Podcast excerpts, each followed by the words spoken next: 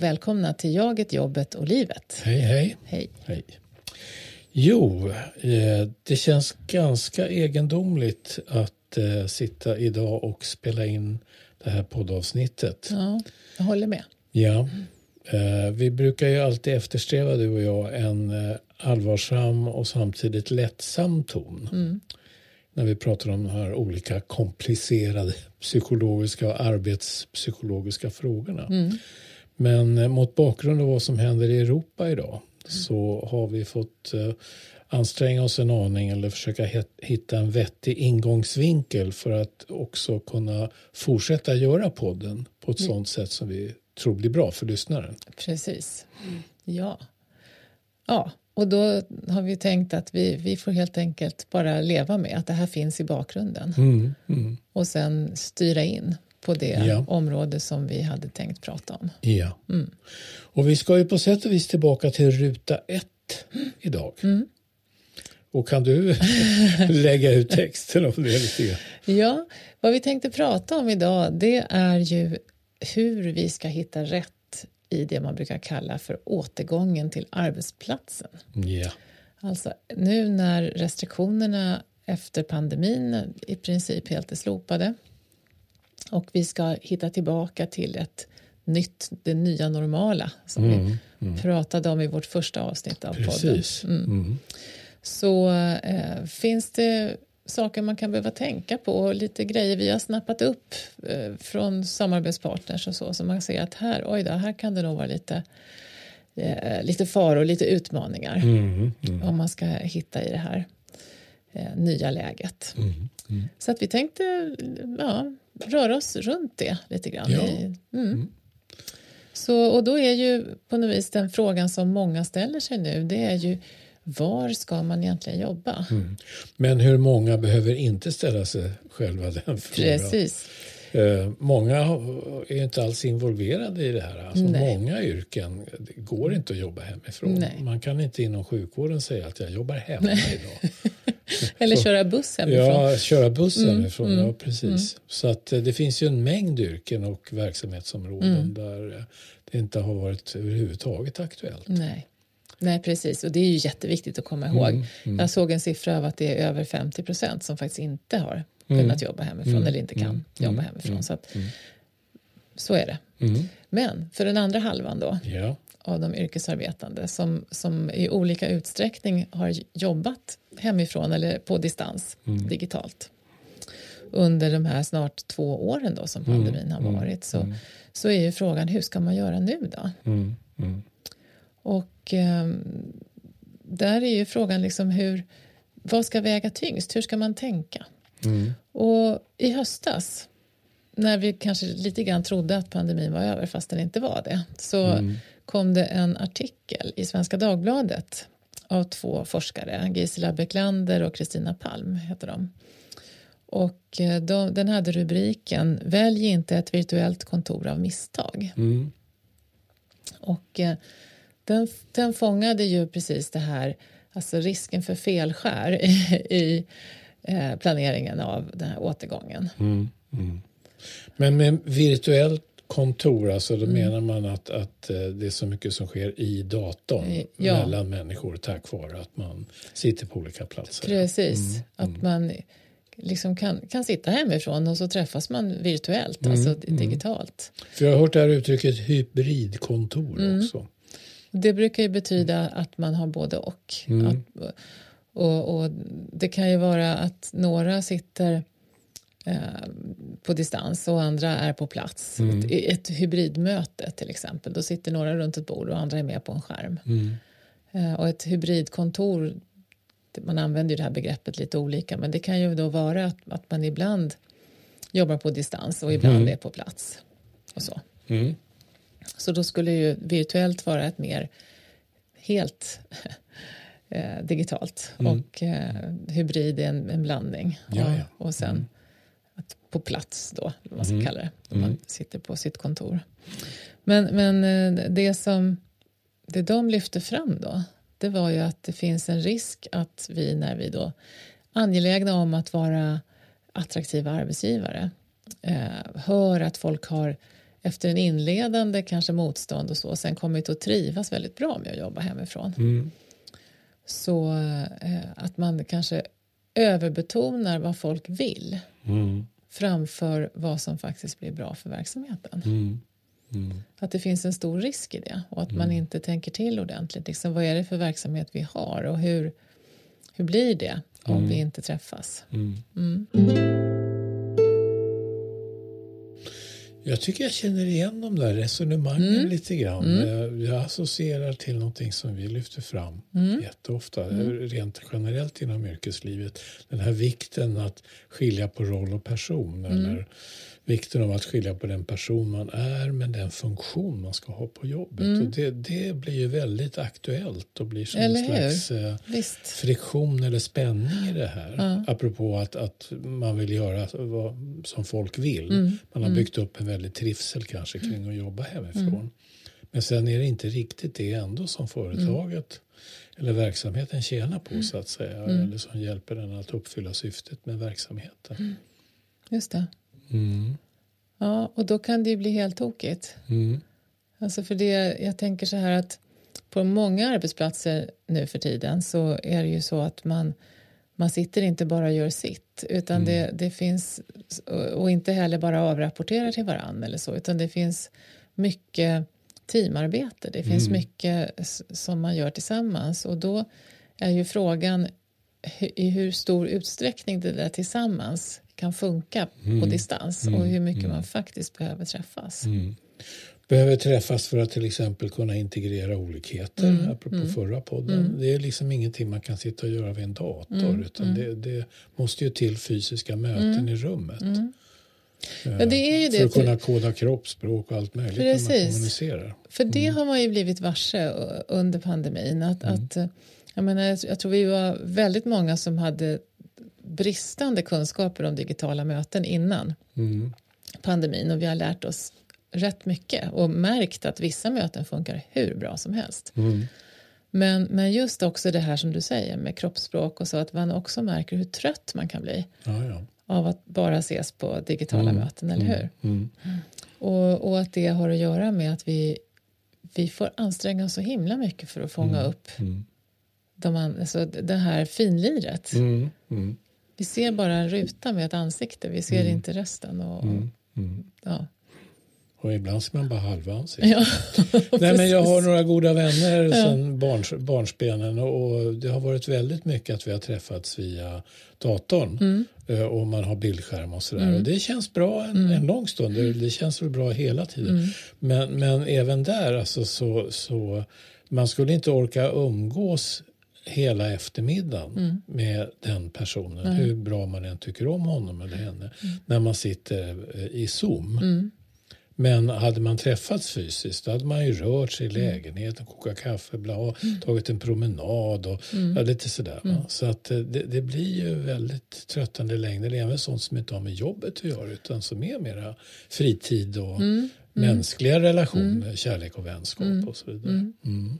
ja, det finns någonting annat. Ibland, eh, har sett det är några som, som pratar om det här med det tredje rummet har man kallat det för. Alltså det här att vi har någonting där vi sitter för oss själva och det är liksom mera eh, privat eller personligt. Och sen så har vi de här strukturerade eh, formella, liksom sakinriktade sammanhangen där, där vi, vi jobbar, liksom, möten och sånt på jobbet. Men sen har vi det här tredje rummet då, det som är där vi stöter på varandra vid fikaautomaten eller i korridoren eller det dyker upp en idé, att man bara börjar prata om någonting sådär lite halv Mm. allvarligt och så, och så leder det någonstans. Mm. Mm. Och att man både fångar upp idéer och eh, delar kunskap och, och liksom löser problem utan att man riktigt tänker på det i det där tredje rummet. Och det, det missar man ju Mm. om man sitter på distans. Mm. Så, att det, så att det finns en del saker som, som man kan behöva säkerställa liksom att, det, att det finns med. Mm. Mm. Men kan man inte få då väldigt mycket vägledning och kött på benen utifrån de här äh, roll kontra person Mm. resonemangen? Att de, de visar sig återigen vara väldigt Mm. användbara och giltiga. Att, äh, äh, försöka bli medveten om och se till vad är vad handlar om mig och mina behov och saker som har vuxit fram. Mm. Och vad handlar om min, min yrkesrolls syfte så att säga Mm. och varför jag är på jobbet. Och hela verksamhetens karaktär. Mm. Alltså vad är det för, för typ av verksamhet? Vad är våra mål? Hur jobbar vi? Hur behöver vi funka ihop för att det här ska bli bra? Mm. Och, och passar det Mm. att i, i vilken grad kanske man ska säga passar det att vi är eh, på distans? Mm. Mm. Eh, Och, och, och det gäller ju då, nu har vi liksom, började vi här i den änden av att folk vill jobba hemifrån. För det är ju liksom den ena, Mm. den ena. Sen finns ju de- av oss som absolut inte vill Mm. heller, som man tyckte var hemskt. Och som vill tillbaka till, till kontoret, verkligen. Jag associerar också till eh, vi använder ibland kör som Mm. mm. sådana exempel på olika saker och, och jag hörde nyligen en person som berättade att just under pandemin så var det många körer som fick lägga ner. Mm. Men tydligen en del försökte ändå repetera via datorn Mm. och, och den här personen i alla fall förmedlade att det blir liksom aldrig bra. Mm. Eh, Så även om man kunde höra, det kunde vara bra ljudkvalitet och allting, men det, liksom, det blev inte alls samma sak. Så när man repeterade tillsammans i samma lokal. Av en massa olika orsaker. Mm.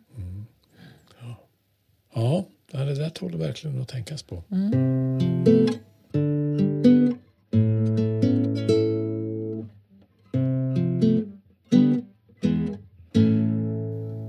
Jag kommer att tänka på en annan sak också i det här sammanhanget. Det gäller ju eh, vad ska vi säga, företagets eh, önskemål som ofta finns där om att saker och ting får inte vara för dyrt. Man kan spara pengar. Eller hur? Och då kan man spara pengar. Nu låter jag verkligen som en konspirationsteoretiker och då kanske vi är lite trötta på vid det här laget. Men i alla fall eh, att man faktiskt kan spara en del pengar på att ha minskade kontorsytor. Jajamän.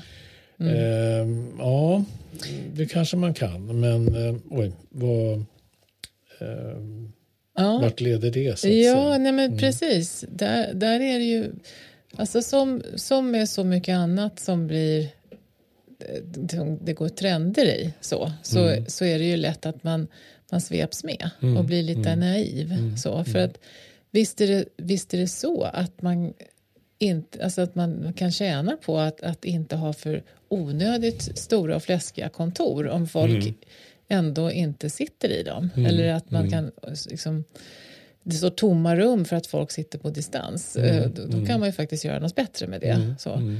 Samtidigt så är det, ju, är det ju lätt att man igen då, precis som du säger, alltså att man, man tappar bort det här med men vänta nu, passar det här vår verksamhet? Mm.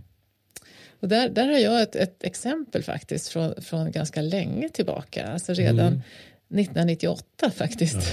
så, så var det, då, då jobbade jag eh, i, i Stockholm på Sandal Partners i Stockholm. Mm. Och vi hade suttit i ett kontor eh, mitt inne i, i, i city med, och alla som jobbade hade haft egna rum och det var ganska liksom, mysigt, prångigt ställe sådär, men vi hade vuxit ur det. Mm. Så nu så skulle vi flytta till Söder och eh, det började liksom bli lite trendigt där på Söder och vi fick en stor lokal. Och den vdn som vi hade då han låg i framkant i många avseenden. Och han eh, kom på att det ett stort rum som fanns där det skulle naturligtvis bli ett sånt här aktivitetsbaserat kontor. Med andra ord, alltså att det skulle finnas ett antal skrivbord som man fick ta sig när man kom till jobbet. Och, så skulle, och de skulle vara tomma. Och så skulle man ha sina saker i ett skåp där eh, och bara plocka fram och rulla fram sina grejer. Eh, och sen plocka undan vid arbetsdagens slut så att det blev helt flexibelt var man satt. För det hade han sett då på andra konsultfirmor. Mm. Haken var ju bara att andra konsultfirmor då var det ju ofta då typ IT-konsulter som satt ut och jobbade hos kund. Mm. Vi tog emot kunder hos oss i de samtalsrummen som då också hade ställts i ordning eftersom vi inte hade egna rum. Men vi var ju, var ju där på plats, vi var där varje dag. Och vi, vi liksom utgick ifrån det här. Det hade dessutom en jäklans massa papper och grejer som vi behövde plocka fram när vi skulle mm. träffa våra. Mm. För det, vi var inte digitaliserade så alls. Mm. Utan, så då skulle det bäras permar och grejer fram och tillbaka och det mm. där stöp ju snabbt. Mm. Och folk mm. började lämna kvar saker på borden och, och liksom paxa platser och, och det blev ganska stökigt runt det där. Och det var ju inte för att det alltid är fel med aktivitetsbaserade kontor men i vår verksamhet ja. så blev det inte bra. Mm. Mm. Så vi, vi fick ändra. Vi, det blev så att folk, vi fick sätta upp lite, lite skärmar och liksom göra ordning så att det blev ett vanligt kontorslandskap mm. där mm. folk hade sina, sina saker. Och i mm. de här små skåpen som vi skulle rymma våra grejer, de hade ju var alldeles för små också så att vi mm. fick lägga till hurtsar och grejer så, så att mm. vi fick plats. Mm. Så att jag tycker det, det, var en bra lärdom av det här att mm. Mm. på idéplanet så kan man vilja just vara framåtsyftande och modern och, mm. och hänga med. Men, men, om inte verksamheten är sån, då blir det ju svårt. Sen tänker jag också på eh, ett annat exempel, eller ett, ett, ett tänkbart exempel just om man jobbar en hel del hemifrån men så har man också ett kontor. Man kan mm. ju, där kan det också vara att man har sina fasta platser och sådär. Mm.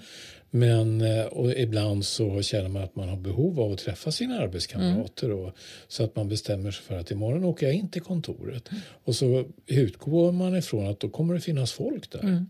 Men eh, kanske alla arbetskamrater just den dagen som jag vill vara på kontoret och träffa folk, ja, då är ju de hemma och jobbar. Mm. Och när jag tänkte den tanken, då slog det mig att för att det där ska kunna funka mm. med den friheten så att säga, mm. då krävs det ganska mycket struktur mm. ändå. Mm. Man behöver ju ha en viss koll på var andra är eller mm. var, när kommer du att vara på kontoret mm. den här veckan och så vidare. Och så, så kan man hamna tillbaka i slags eh, ganska, mm, vad ska jag säga, tydlig och viktig liksom, strukturering mm. och planering av sina arbetsdagar ändå. Och så kanske det, slutar med att det blir ganska rörigt alltihopa för man är på två olika ja. ställen. Och så vidare. Ja. ja, jag kanske överdriver nej, här, jag vet nej, inte. Men, nej, men, det tror jag faktiskt inte. Jag, alltså, jag, jag, tänker att just det där, precis, att, att vara överens om när folk ska vara inne, att, mm. att man schemalägga det på något mm. vis. Eller mm. kräva, alltså det, jag hade ett samtal med några chefer häromdagen precis som som eh, inte hade tänkt så mycket mm, på det här mm. med verksamheten. De var liksom fullt eh, upptagna med att försöka anpassa till varje individ. Mm, hur mycket mm. den tyckte att den ville ja, eller behövde jobba mm. hemma. Och, eh, och så. Och, och, det är naturligtvis att finns det möjlighet, absolut, då kan man ju liksom mm. skräddarsy. Men det finns en fara som alltid att man liksom börjar för mycket i den enskilde. För att hel, det så, kan vara svårt att få ihop helheten och mm. då kostar det någonting. Mm. I längden blir det mm. kanske slitsamt. Mm. mm. Kan ju egot komma in också. Ska det vara schemaläggning? Nej, det, det vill jag verkligen mm. inte. Det, så var det när jag gick i skolan och det är jag så trött på. Ja, och så vidare. Så det kan ju uppstå sådana här ja. friktioner utifrån personliga behov och preferenser. Och vad, vad så att säga, arbetsplatsen kräver av en egentligen. Nej, och, och samtidigt är det ju då eh, så att, att vi, man pratar ju mycket om det här att få ihop livspusslet och att folk blir väldigt trötta mycket mm. idag. Mm. Det är stora krav både hemma och på jobbet och, och, mm. och där det då kanske har gått att hitta sätt där det här har blivit lättare under pandemin där, mm. där faktiskt när man slipper restid varenda dag. Man, har, mm. man kan lättare då lösa sånt som att hämta barn eller liksom få, få till vardagen hemma. Mm. Mm. Så kan det ju i sin tur också gagna jobbet, att folk mm. inte blir sjukskrivna eller mm. liksom helt mm. utarbetade. Så, visst, visst. Så det, det, gäller ju att fundera på i vilken utsträckning blir det funktionellt för alla parter att, att uh, man jobbar hemifrån och när blir det inte det. Mm. Därför är det så bra om man har ett sånt klimat på en arbetsplats att man kan kommunicera om de här frågorna som mm. ibland kan bli lite känsliga. Mm. Eller mm. också uttrycka en, ett dilemma man har i livet, att mm. få ihop eh, mm. just livspusslet. Att, att för en del av oss så kommer vi in i perioder då det är jättesvårt. Och då är det också svårt att, att kommunicera kring de sakerna. Ja.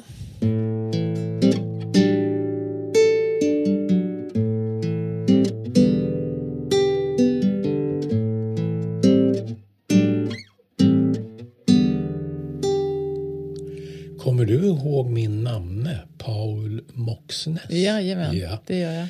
Det var faktiskt en ganska fascinerande eh, psykologisk teori som mm. vi mötte under utbildningen och som kanske inte har fått så jättestort genomslag just i Sverige. Mm. Paul Moxnes var ju, är ju, eh, eller var, eh, eh, norrman. Mm. Men han eh, tog upp de här, försökte förstå sig på olika processer inom arbetslivet och gruppprocesser och allt vad det var. Och han eh, levererade en ganska intressant modell mm. eh, där han väldigt förenklat, vilket han också var medveten om, delade upp mänskligheten i två mm. personlighetstyper. Yeah. Den ena led av driftsångest mm. och den andra led av strukturångest. Yeah. Det vill säga driftsångest personen mm. eh, tycker det är väldigt obehagligt med spontana känslor och ovisshet och Eh, vad ska jag säga, kreativitet och, och energier som far omkring i kroppen. Oordning. Ja. Oordning ja. liksom. Man, då är, det är driftsångest och det här är mm. kopplat till Freud också. Det här med mm. våra ursprungliga drifter som mm. liksom hela tiden pockar på och vill komma till okontrollerat uttryck. Eh, och sen då den andra människotypen mm. lider av, äh, väldigt positiv människotyp, lider av strukturångest. Mm. Det vill säga man blir, apropå min lilla skojeri eller skämt här om det här med scheman. Mm, att, eh, mm.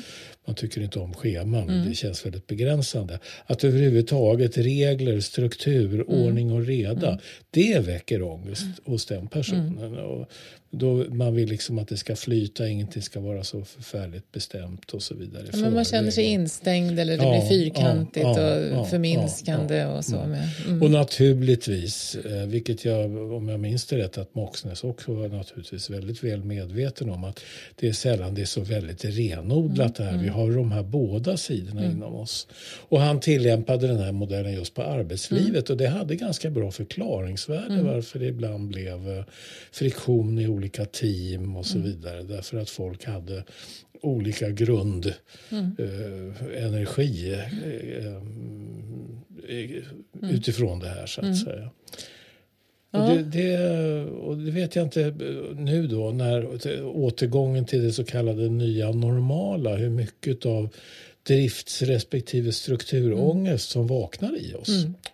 Um, ja, vad tänker ja, du? Ja, nej, men jag tänker att, att jag, jag har stött på... Att, alltså, det, det jag spontant tänker på direkt det är alltså chefer som inför det här att man faktiskt behöver fundera på verksamheten och vad som krävs. Liksom, inte riktigt Alltså man drar sig för det lite grann. Mm, det, känns, mm. det känns fyrkantigt att komma släpandes med det. Mm. Eh, man, utifrån att man är mera, man vill vara nära människor och mån om att människor ska må bra och mm, liksom mm. att Vilket det ska kännas bra. Och rätt Absolut. Men jag, jag, om man använder de här termerna då så mm, tänker jag att då slår strukturångesten till. Mm, mm. Eh, att, att man tycker att det blir all, det är jättemycket som hela tiden känns för, för inrutat och fyrkantigt. Mm, och mm. folk kan väl få göra som de vill. Liksom. Det, mm. Vi måste behålla kreativiteten. Det, blir, det blir ens egen strukturångest ja, som slår till. precis. I ledarrollen ja, så, så blir man mm man, man får svårt att, att, skapa den struktur som blir funktionell mm, mm. För, att, för att man får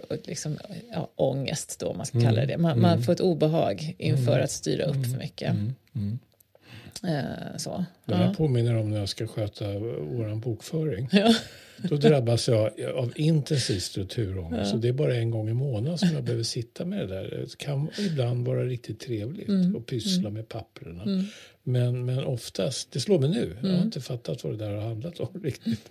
Men det är nog strukturångest. Mm. Det blir för, ja, jag vet inte vad det är. Det kryper i kroppen när jag mm. tänker på att förenkla det hela. Mm. Så nu är det lite lösa papper åt lite olika håll och kanter. ja.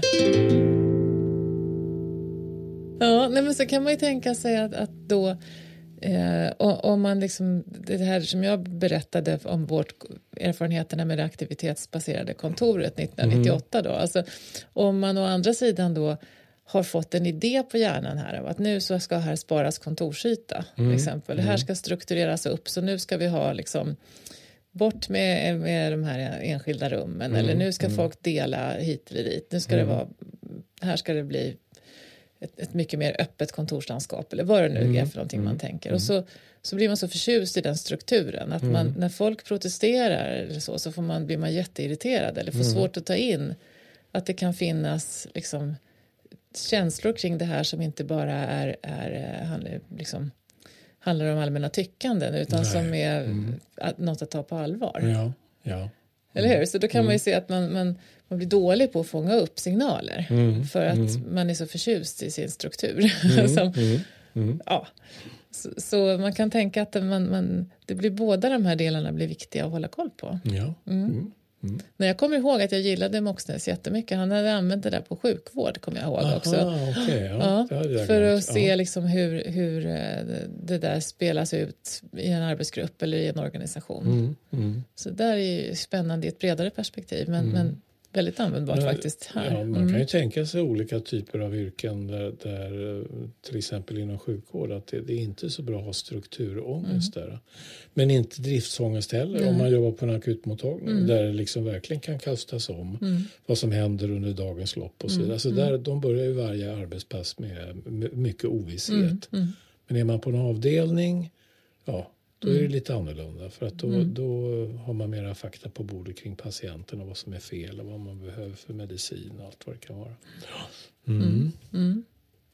Ja, men det var intressant det där med det där bokföringsexemplet också som jag nämnde angående mig själv. Jag har alltid trott att det var ett utslag av narcissism. Ja, kanske också är. Nej, det skulle jag väl inte kunna. inte jag heller. En blandning av ja. narcissism och strukturångest. Ja. Det låter illa. Ja. Känner du någon bra terapeut? ja. Mm. Nej, men um, ja, ytterligare en, en sak som har dykt upp tänker jag i media nu såg jag faktiskt för några dagar sedan kring det här med återgången till arbetsplatsen. Mm. Uh, det är ju personer som har social fobi av olika slag som har trivts kanske lite ja, för ja. bra mm. hemma.